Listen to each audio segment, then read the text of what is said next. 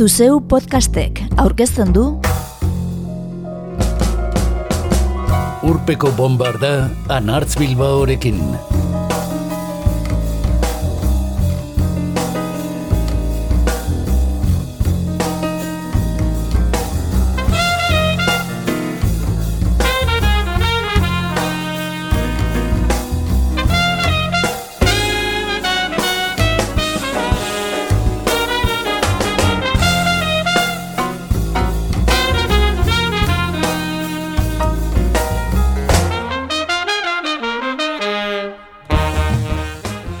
Berria, zaharra eta mailegatua, aspaldiko formula dugu urpeko bombardan. Aurten, lehen aldiz darabilgun narren, eta musika argitalpen berriak ezagutu zein zaharrak berreskuratzeko erabiltzen duguna. Bertzio bat ezagutzearekin batera. Alaxe egingo dugu gaurkoan ere. Elkano Browning Cream irukotanen eup diskoa ardatz dugula. Mikel Aspirosek gidatzen duen nazioarteko egitasmoaren lan berria ezagutzeko, pianu jole donostiarrarekin egin dugu berba. Eta gainera, islak bakarkako lanaz galdetzeko ere baliatu dugu aukera. Gainontzean, FKA Twix, Elvis Costello eta Keiaren lan berriak aurkeztuko ditugu. Roni Spector zendu berria omendu eta Benito Lertxundiren baldorba berrirakorri. Honakoan, izeoren ahotzean. Honegin.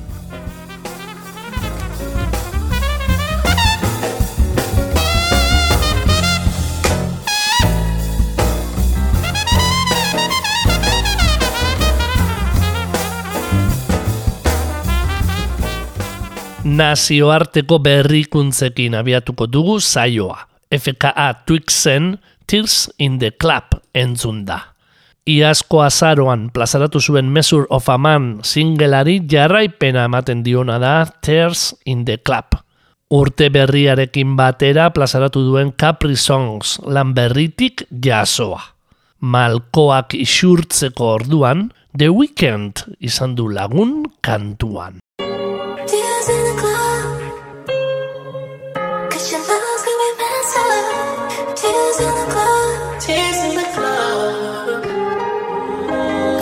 Get you out of my hips, my thighs, my hair, my eyes, my late night cries. I wanna take my clothes off, wanna touch my hips, my thighs, my hair, not yours, oh all mine. Yeah, wanna dance you out of my, gotta dance you out of my hips, my thighs, my wrongs, my rights. Yeah, listen to the rhythm and make no compromise.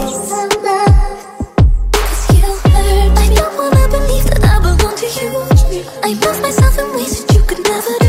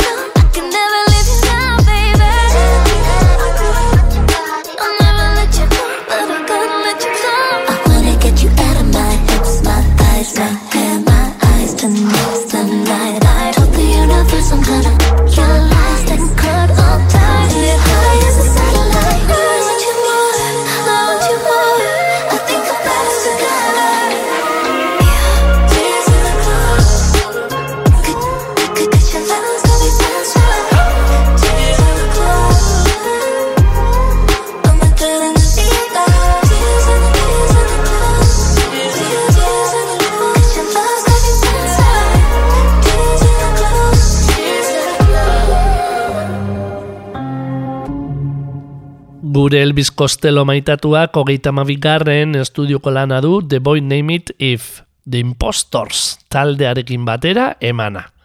2008ko urtarriaren amalauan plazaratu zen LPA ezagutze aldera, diskoari izen ematen dion kantua entzungo dugu jarraian.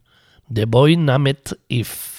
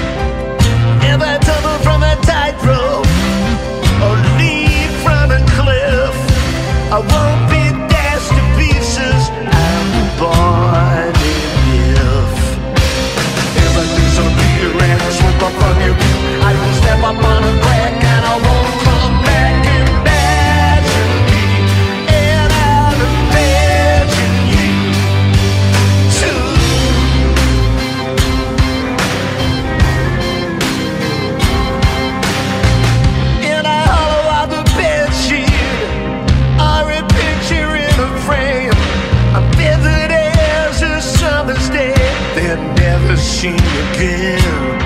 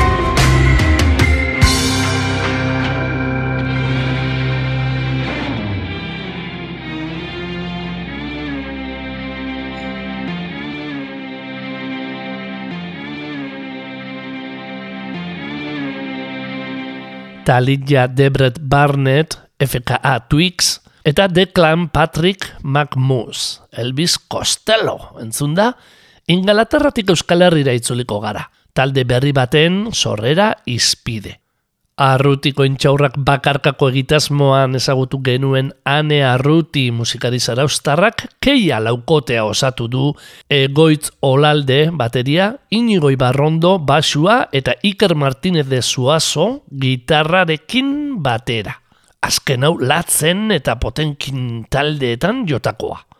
Oñatiar zaraustar taldeak otzailean plazaratuko du debut lana eta aurrera penkantua du etzara zu.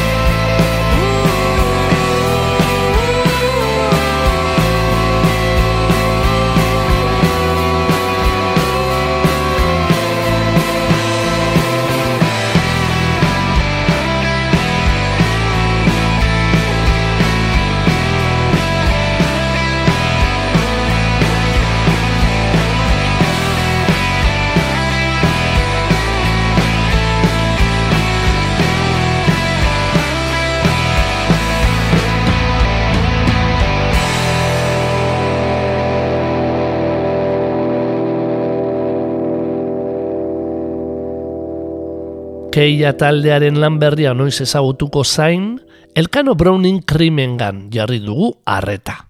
Irukoteak eup aurkeztu berri du. 2007an eratu zirenetik plazaratu duen zeigarrena. Jada amabost urte dira Mikel Aspiros donostiarrak taldea osatu zuela. Hasieran Matt Hardin eta orain Dave Wilkinson, Bartzelonan bizi den gitarra jole Britaniarra, eta Frank Mantegari Parisen bizi den bateria jolearekin. Eta harritu egin gaitu taldearen iraunkortasunak, irukotearen nazioarteko izaera kontutan hartuta. Ba, bina, egia esateko, eh, hasiera baten eh, elkartu ginenen, orduan segitxun nabarmendu nun, bazeola energia berezi bat, edo bazula eh, gure nasketa horrek ezaugarri berezi bat. Eta honek bidea emango zigula, eta niri personak emango zidala, ba, ezaket, barrenean nun eh, mota ontako sorkuntza sorkuntza bat aurrea aurrera eramateko, ezta? Eh, ezaket, zetetzen duen hor gauza asko genitxula ikertzeko, eta esploratzeko, eta, bueno, ezakit, hasiera batetik pentsatu nun bazitekela. Proiektu honek bide, bueno, ba, bidea izatea aurrerantzean. Ez izatea alegia disko bateko edo pare bat diskoko proiektu bat, eta gero desegingo zena edo difumi- difuminatuko zena. Eta alaxe izan da, ba, bai, ama urte pasa dira, gaina, bueno, atzera begiratuta, ba, azkar pasa diela iruditzen zait, eta amabost urte hauetan, bueno, elkano honen krim hartu dut beste ba, proiektu eta kolaborazio eta lan askokin, baino ez, det- ez diot utzi ba, hori, desagertzen, ez diot utzi itzaltzen. E, oso konstienten itzelako zer, zer ematen zidan. E, Frank Mantegari moduko musiko batekin lan egitea, eta hasieran Matt Hardinekin eta ondoren Dave Wilkinsonekin e, oso oso aberatsa gertatu zait hasieratik bai musikalki bai giza harreman aldetik nik olako proiektu bat bizirik mantentzeko proiektuak eh, asko ematen e, digulako egiten dut bestela ez luke zentzurik. Bidai bat izaten e, segitzen duen bitarten, nik uste dut e, segiko, segiko digula egiten. Momenturen baten, e, zakit, ba, metafora bezala, oporretan beti herri berdinera eta hotel berdinera juten azten geanen, orduan, gelik egin beharko dugu. Baino, baino oraingoz ez, oraingoz bidei bat da, eta estazio desberdinak ditun e, proiektu bat izaten ari da. Eta horla segitzen du bitartean, ba, nik uste dut e, segiko degula, intarrak baldin baditugu bintzat.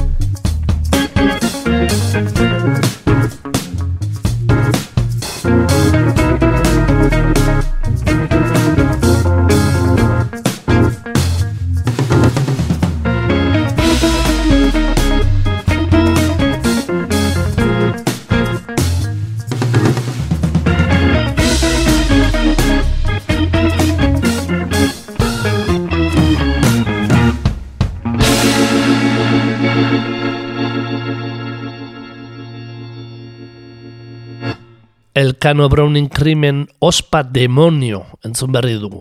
Mintzagai dugun eup disko berrikoa. Musikari buruzko ikuspegi ertz askotarikoa, eidu irukoteak, aurkezpenean diotenez. Eta nabarduretan aberatz diren diskoak plazaratu ohi ditu. Melodia landuekin eta osagai ritmiko ahaltzuarekin. Eup aurkezteko eskatuta, 2018an plazaratu zuten aurrekoarekin, borborrekin, alderatu digu Mikel Aspirosek. bai, bor-bor nahiko estilistikoki nahiko markatu izan zen. Psikodelia aldera, psikodelia eh, bluesarekin eta jazzarekin astuta, ezta?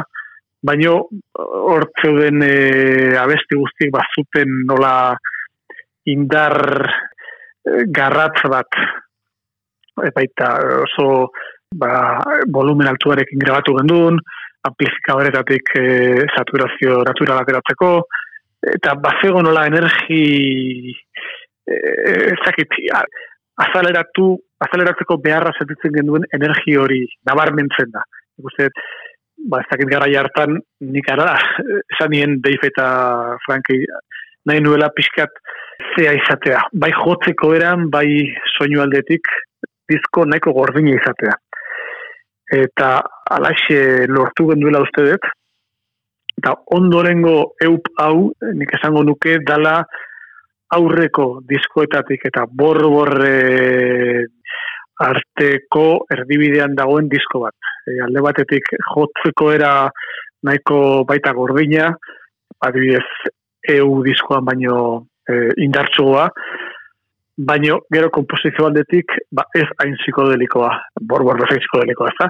Orduan, behar bada ba, aurreneko diskoetako eklektiko, re, errepertorio eklektiko batera bueltatu era EUP diskoarekin. Hemen eh, entzun litezke, ba, ba, Peter Toshen Stepping Razor, eta gero Uli Dixonen My Babe, ba, blues, sus, sustraietako blues bat, eta eh, baita ba, sutan suit izena jarri diodan, ba, gure amaika minutuko suite musikal moduko bat, ez da? Piskat, ba, bluesa, musika afrikarra, eta, eta baita ba, erritmo e, dantzagarrigoak, edo diskotek, diskotekerogoak uztartzen dituen e, amaika minutuko suite bat. Orduan, ba, niri gustatzen zaidan, edo guri irure gustatzen zaigun, nazketa eklektiko hori barkatugoa dago hemen, borborren baina borbor tematikoa zan, psikodelikoa, psikodeliari gehiago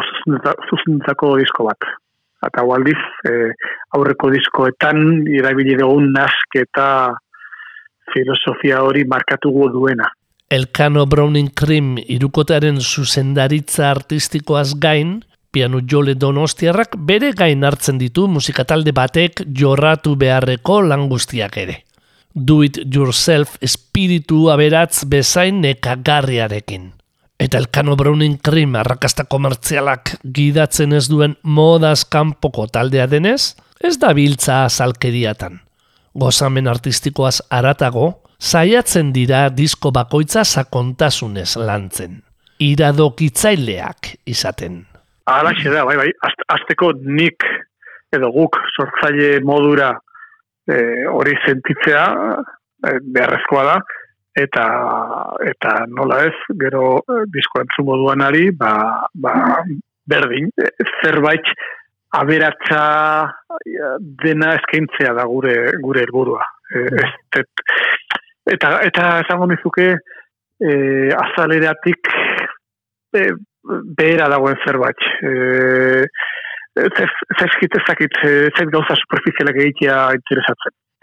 E, Esan nahi bat izan behar dute, nik e, atzera begiratzen dudanean, ba, ez dakit, oin dela amar, amagoz urte egin dituen lanak entzuterakoan, gustatzen zait sentitzea, aba, bera, hau, bera, asmatu genduen, oraindik ere, ba, esan nahi bat aurkitzen dutelako urte guztia ondoren, egin genduen horri, eta ezken duelako, ba, bueno, ba, esan nahi musikal eta eta sentimendu esan nahi bat mantentzen duelako egin duen honek.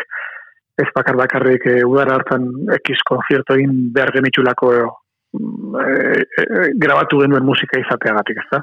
E, zerbait, niretzako artea ez da entretenimentua. Gaur egun e, asko nazten dira bi, bi konzeptu horiek, ez da? E, artea eta entretenimiento, entertainment, inglesez, eta niretzako entertainment, bueno, ondo dago, bai, e, danak behar dugu unionak pasatzea e, a, harin, baino e, horre bakarrik ez nago asetzen nik. nik batez ere, behar dut e, harima e, elikatuko didan a, ba, musika eta eta artea eta literatura. If you wanna live, treat me.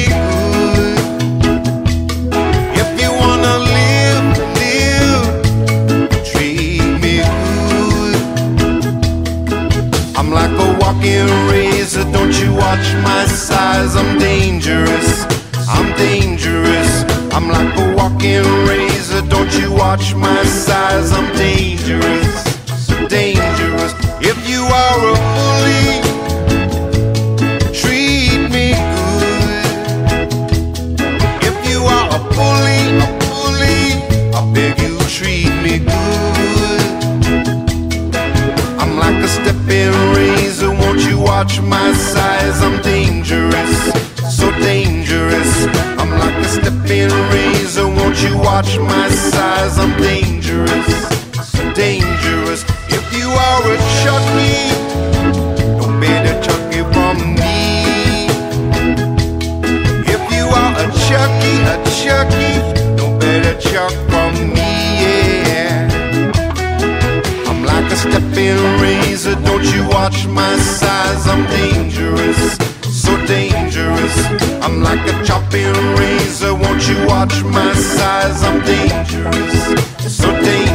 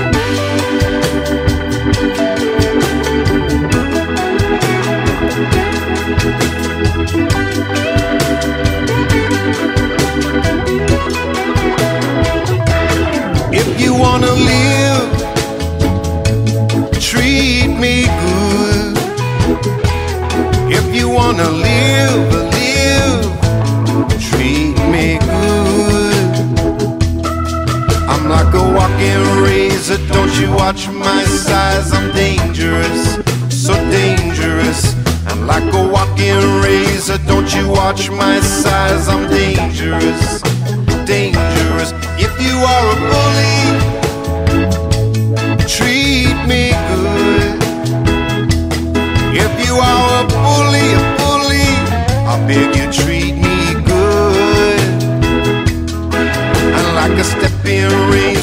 you watch my size? I'm dangerous, so dangerous. I'm like a stepping razor, won't you watch my size? I'm dangerous, dangerous. If you are a Chucky, no better Chucky from me.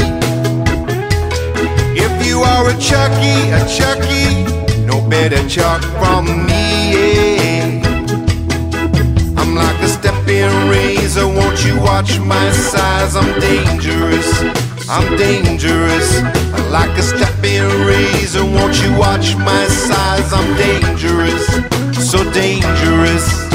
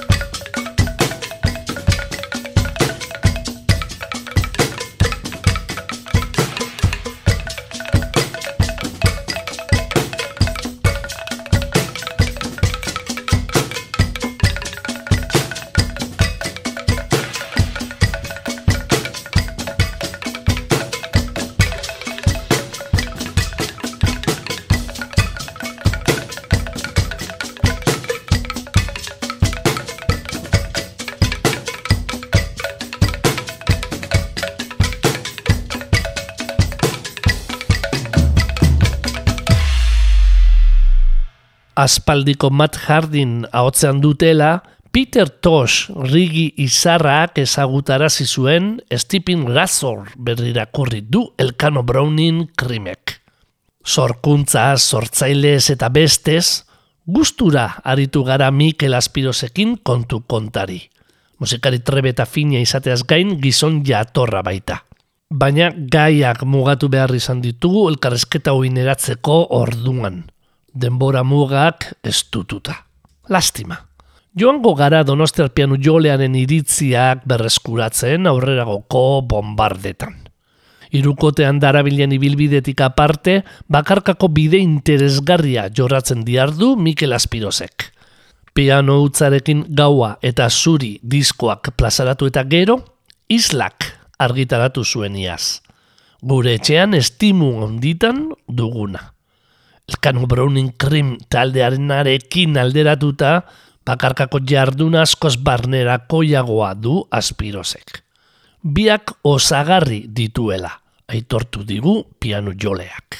Bai, bueno, nik eh, Elkano Browning ai, atal markatu bat, nire sorkuntza beharraren atal markatu bat kubritzen dit, ezta? Eta bestalde, eh, pianoaren bakarkako proiektua, Elkano Brownen Krim, baino beranduago hasi nuen, Elkano Brownen Krimekin 2006an grabatu duen horneko diskoa, eta gaua pianoarekin 2008an e, argitaratu nuen. E, Elkanorekin e, diskoak eitxea zain, gero nik ordu asko sartzen dituen, eta ditut bakarka etxean e, pianoa jotzen. Eta, bueno, behar bada ez dakit hor elkanorekin jorratzen dituten edo lantzen dituten musika mota mota zaparte, ba, gauza intimoagoak eta komposatzen dituen e, asko zere pausatugoak. Eta horregatisek, ba, ez nion nik e, horre mugitzeko, kontinuar mugitzeko eta ez dakit, petxatzen honetzala erreza izango hori mugitzea. Et, baina, ba, 2000 eta amairuan gaua argitaratu eta eta orduntxe argitaratu eta bueno, ba, konturatu nintzen ba, oker negoela. E, jendeak oraindik ere behar duela, edo behar dituela espazio, edo, denbora tarte lasaiak eta eta e, barrura begira aziko dizkionak.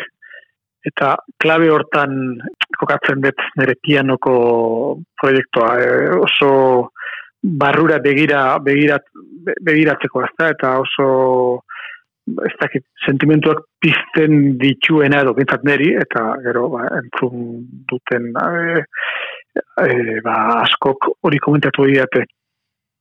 Eta horrek, ba, hori, elkanorekin jorratzen dudan esparrutik e, beste esparru bat jorratzeko aukera ematen dit, eta horrekin nire sorkuntza behar edo naia, ba, nahiko asetuta gelditzen da.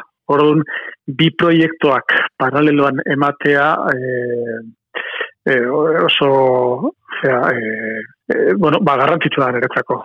Bak, proiektu bakoitzak ezaugarri desberdinak ematen dizkitelako. Eta, eta espresatzeko modu desberdinak.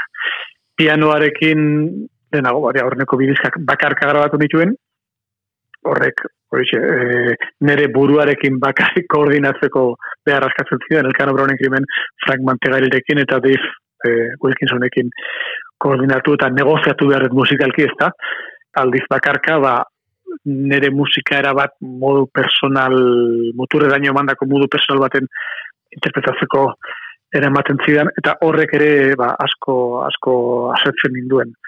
Azkeneko diska hontan islaken, ba, amarra bestetatik posta bestietan, Carlos Adalzegiren e, bateria e, dut lagun grabatziotan, eta ondoren zuzenekoetan, ba, Fernando Neira kontrabajoan, Carlos baterian eta ni pianoan aritzen gera.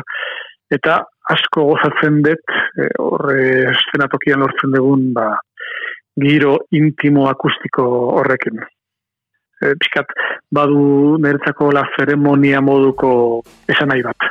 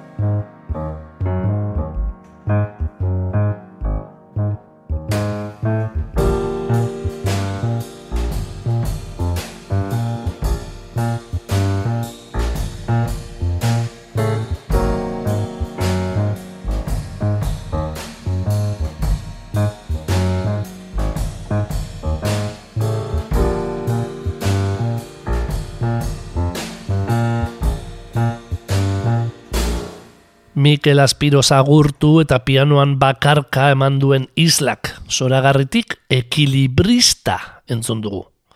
Bakarka bakarka ez, Carlos Aransegiren bateria izan baitu lagun. Eta lan berrien atala itxita, aspaldikoena irekiko dugu. 2008ko urtarliaren amabian, Ronnie Spector zendu da. Eta eriotza ezagutu bezain agudo, gorazarre egin dio Marco Sapiainek bere blogean. Ronnie Spectorren azken eskaera. New Yorkeko Spanish Harlemen jaio, eta bertan sortu zuen nerabezaroan derronetz, aizparekin eta lengusinarekin batera. Ango neska latinoek inspiratu zuten ronetztarren estetika. Erlauntza datxa esaten zaiona izango du ziurraski ezaugarri ikusgarriena, eta ronetztarrek Amy Winehousena. Isilik dago Antigona eta beste batzuek hartu behar dugu horrelakoak komentatzeko ardura. Amaren aldetik, Afrikar Amerikarra eta Txerokia zen, eta txinatarra zuen birraitona bat. Irurogeiko amaraldian lortu zuen ospearen neurria ematen du The Rolling Stones derronetzen telonero aritu izanak. Bima Baby gozamen iturri izan dugu hainbat belaunaldik, hitz elkartuaren adiera fisikoena barne. Ronnie Spectorrek berak kontatzen duenez, oholtzan agertuta abesten hasi orduko, mutilek beren burua lurzorura bota, auspez lurraren kontra igurtzi eta orgasmora iristen ziren. Mila bederatzireun da irurogeita lauan eta irurogeita zeian, John Lennonek seduzitu nahi izan zuen, baina espektorrek kalabazak eman zizkion, senarra izango zuen Phil espektorrekin baitzebilen ordurako izkutuan. Filek tratu txarra eman zion, kontrolatzaile violentoa zen, jeloskor patologikoa. Bai The Beatlesek eta bai The Rolling Stonesek Roniri lankidetza proposatu eta Filek debekatu egin zuen. Ronik alde egingo zion beldurrez, Beverly Hillseko luxuzko etxean itxi zuen.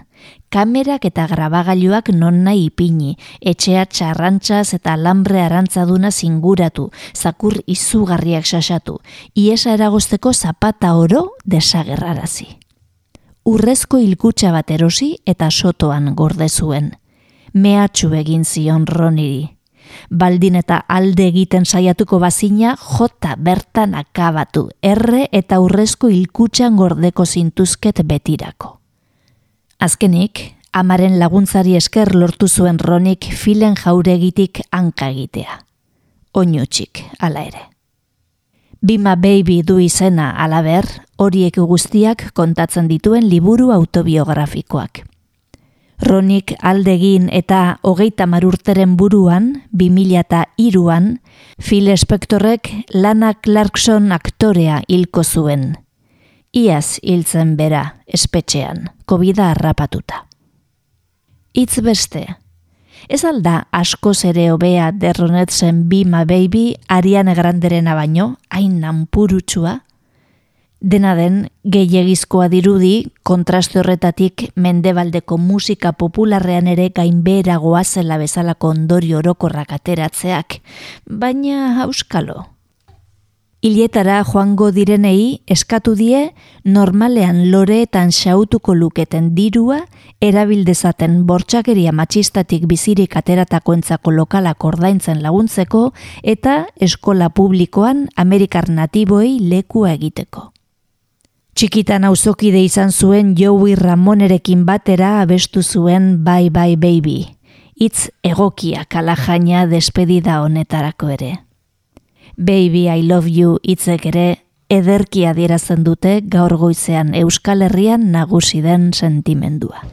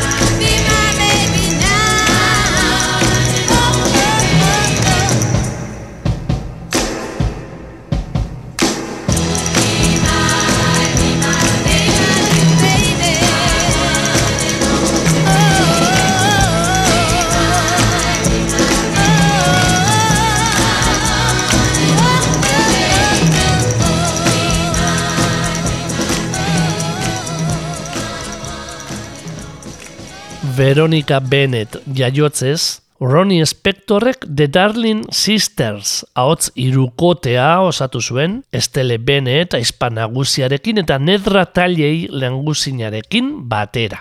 Phil Spector ezagutu ondoren The Ronettes bihurtuko zena. Mila bederatzerun da irurogeta irukoa dute arrakasta nagusia. Be My Baby sonatua.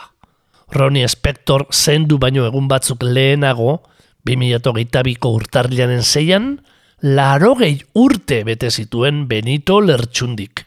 Eta horioko bardoaren urte betetzea ospatzeko, aspaldiko lanen atala itxi eta kantu mailegatuena irekiko digu baldorba.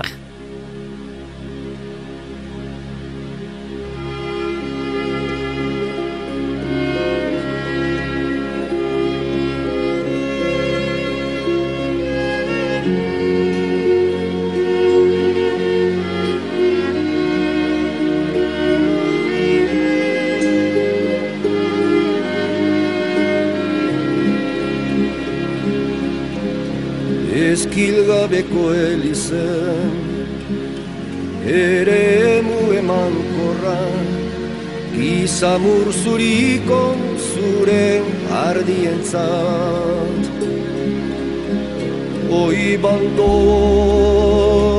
orba O oi baldor ba ba ba ba Eguzki eta izeidor Matxardo ibai kalburuarena Lur gorri harri landu Mailu eta xixelaren kantu. Gitarra bazko alakik Armeniako kanu abotxurrantuan Oi baldon orban, o oi baldon orban Esazun hor zen bidetik, baztertu zinduen madarikantuan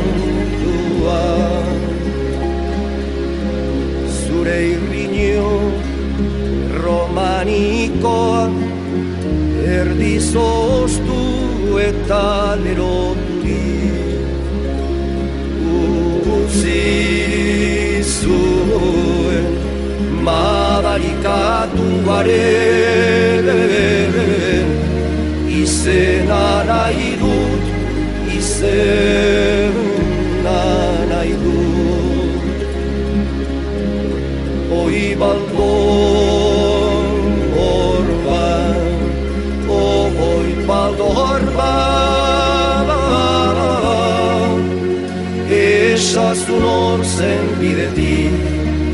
baztertu zinduen madarikantua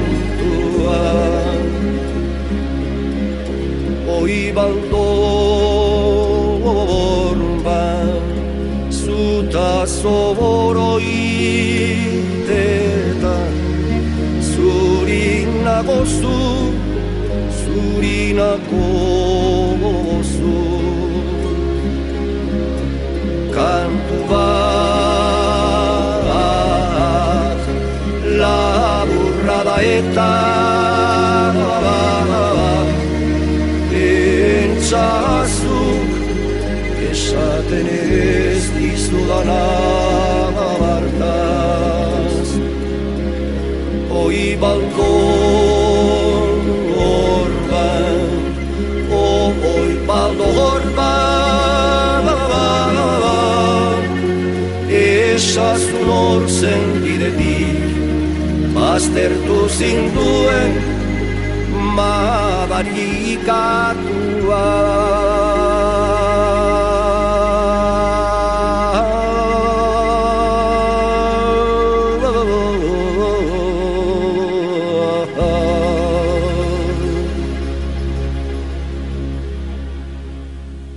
Mila bederatzireun eta larogeita amabiko itaz oroit diskoan eman zuen Benito Lertxundik baldorba. Juan Antonio Urbeltzen hitzak kantatuz. Eta agudo bihurtu zen Euskal Kantutegiko klasiko.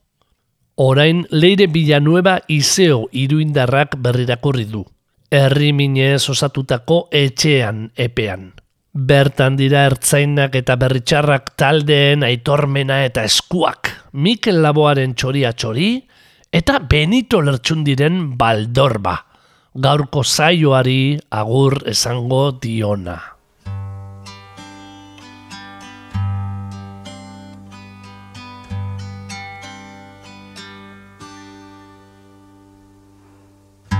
Ezkil gabeko elizen Ere mu Eman korra Gizan murzuriko Zure ardien zat Hoi baldorba Hoi baldorba Eguzki eta izaidor Moatxardo ibai Algumarena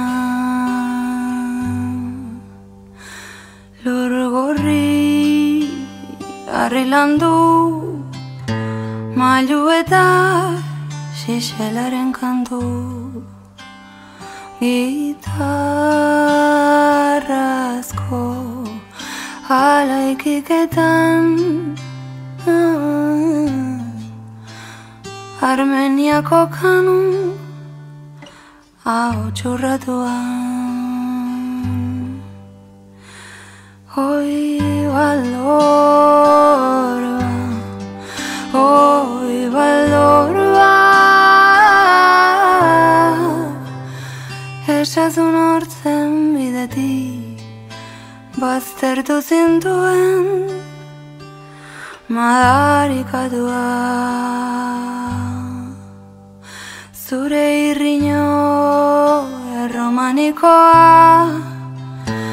Erdizoztu eta leloturik Utzi zuen Madarikatuaren Izena nahi dut Izena nahi